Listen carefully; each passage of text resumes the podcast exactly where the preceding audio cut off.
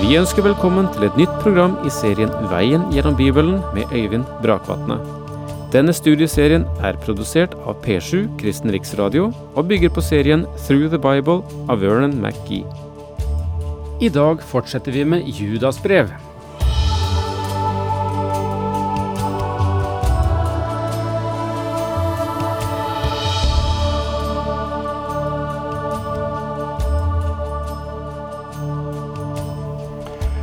Vel, velkommen til det siste skrift i Det nye testamentet før åpenbaringen.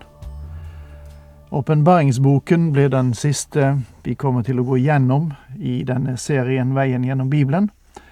Og nå eh, nærmer vi oss det.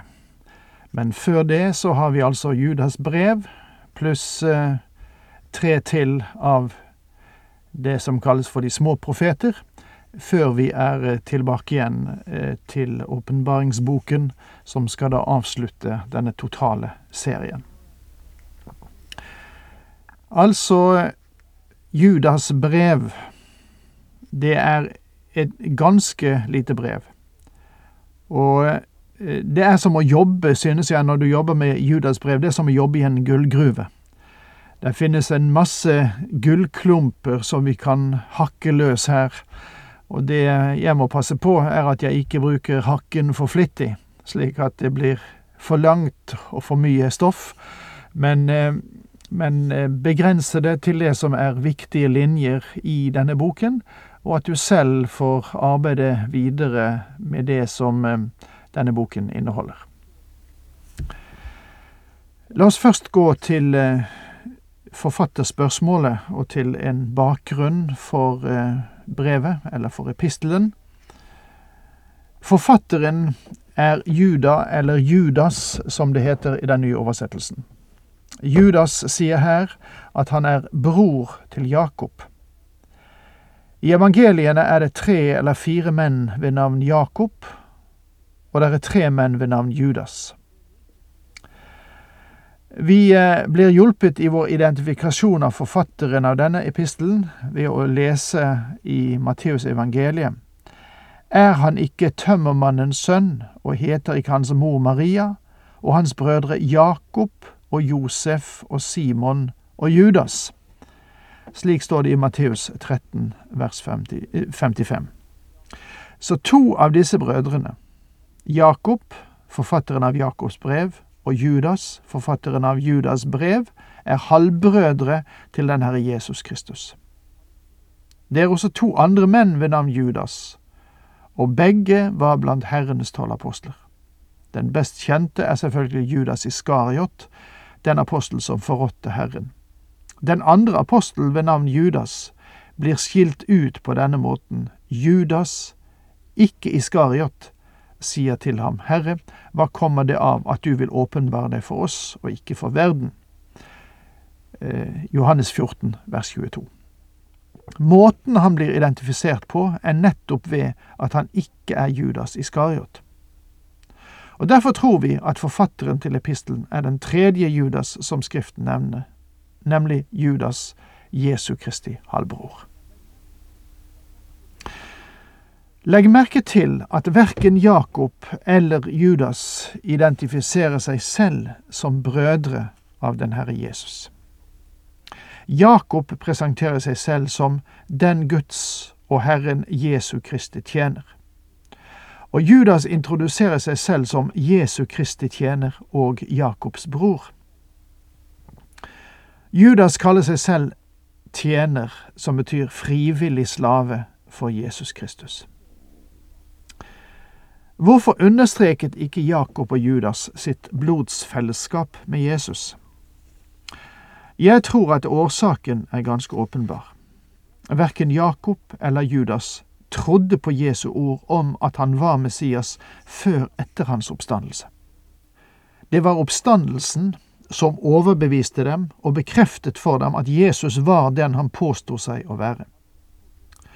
Frem til da hadde de trodd at han var mer eller mindre forskrudd på grunn av sine religiøse grublerier. Som Skriften sier det, han er fra seg selv. Men etter hans oppstandelse ble de troende, Og det er forunderlig at det var mulig å vokse opp i et hjem med Jesus da han vandret her nede, og ikke være klar over fullt ut hvem man hadde med å gjøre. Eller i alle fall erkjenne hvem man hadde med å gjøre. Jeg tror at vi i Salme 69 ser at han led av ensomhet og misforståelse under disse oppvekstårene i Nasaret.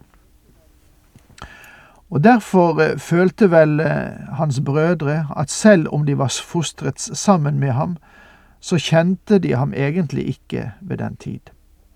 Som Paulus senere uttrykte det, så kjenner vi ikke lenger noen bare slik mennesker gjør, og har vi kjent Kristus slik, gjør vi det ikke lenger, som han formulerer seg i 2. Korintiabrev kapittel 5 vers 16.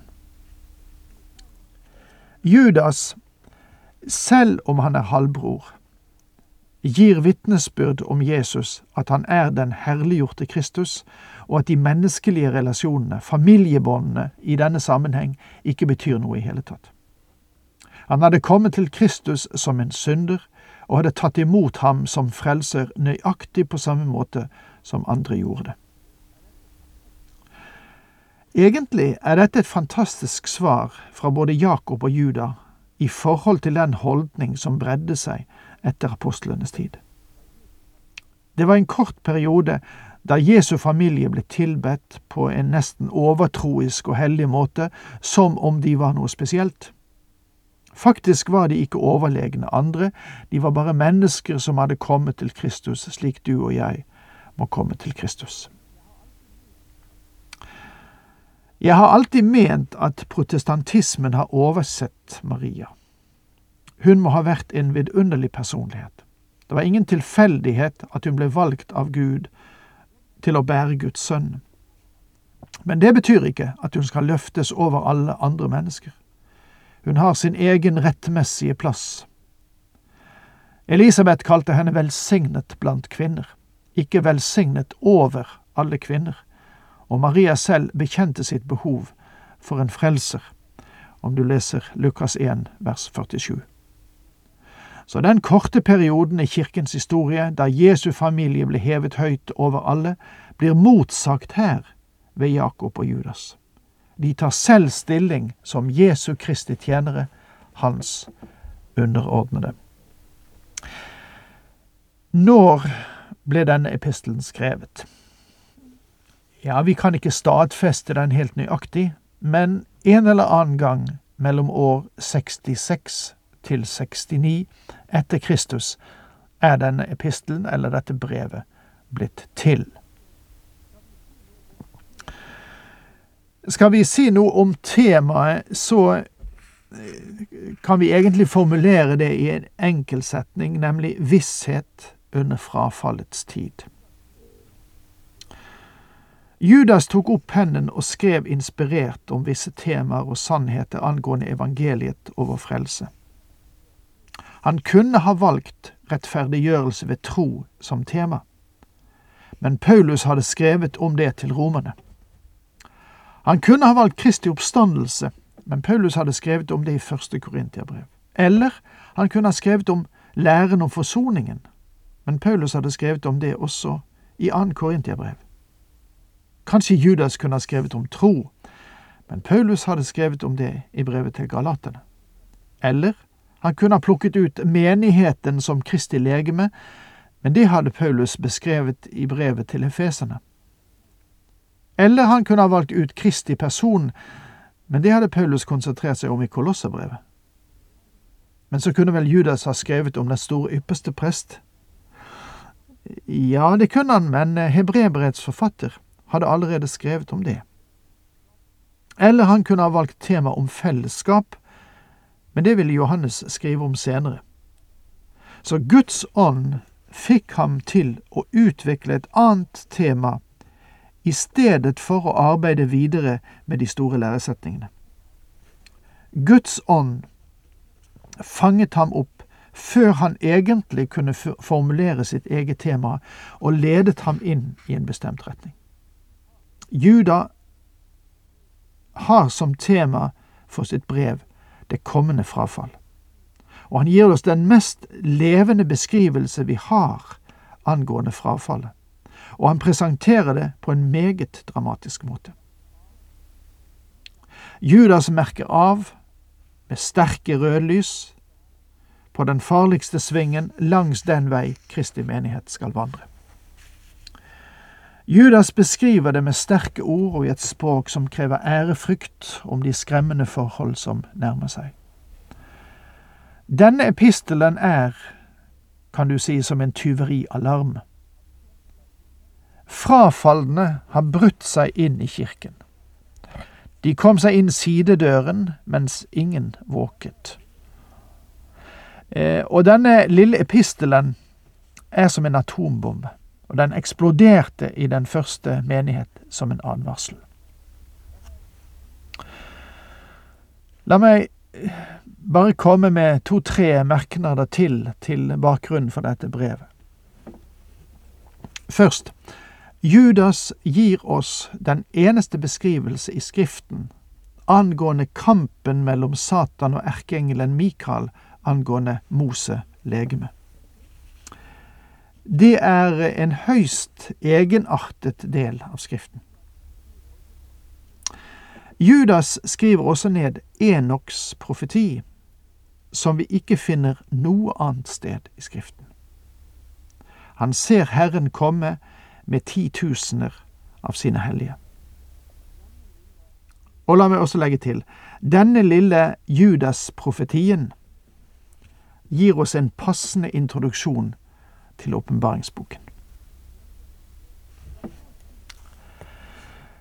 Skal vi nå si noe om innholdet, lage en oversikt over det, så faller dette lille brevet, denne epistelen, i tre deler. For det første har vi bakgrunn for epistelen, som Judas bruker tre vers på. Deretter beskriver han frafallet, frafallets forekomst, i versene 4 til og med 16. Og så kommer han med tredje hoveddel, som vel er den viktigste for ham, nemlig hva troende må gjøre under frafallet. Og det dekker versene 17 til og med 25.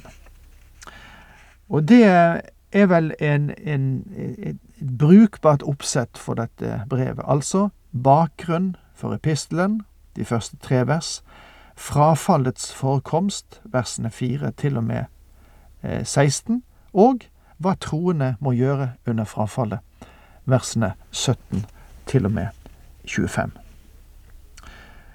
Og da er vi vel egentlig klar til å gå løs på selve teksten i Judas brev. Vi har gitt litt av bakgrunnen for epistelen. Litt om forfatteren og det nære fellesskapet, for ikke å si slektskapet, med Jesus Kristus. Men nå er faktisk tiden ute, så vi får ta tålmodigheten fatt og vente til, til vi møtes neste gang og går inn i teksten. Takk for nå. Herren med deg.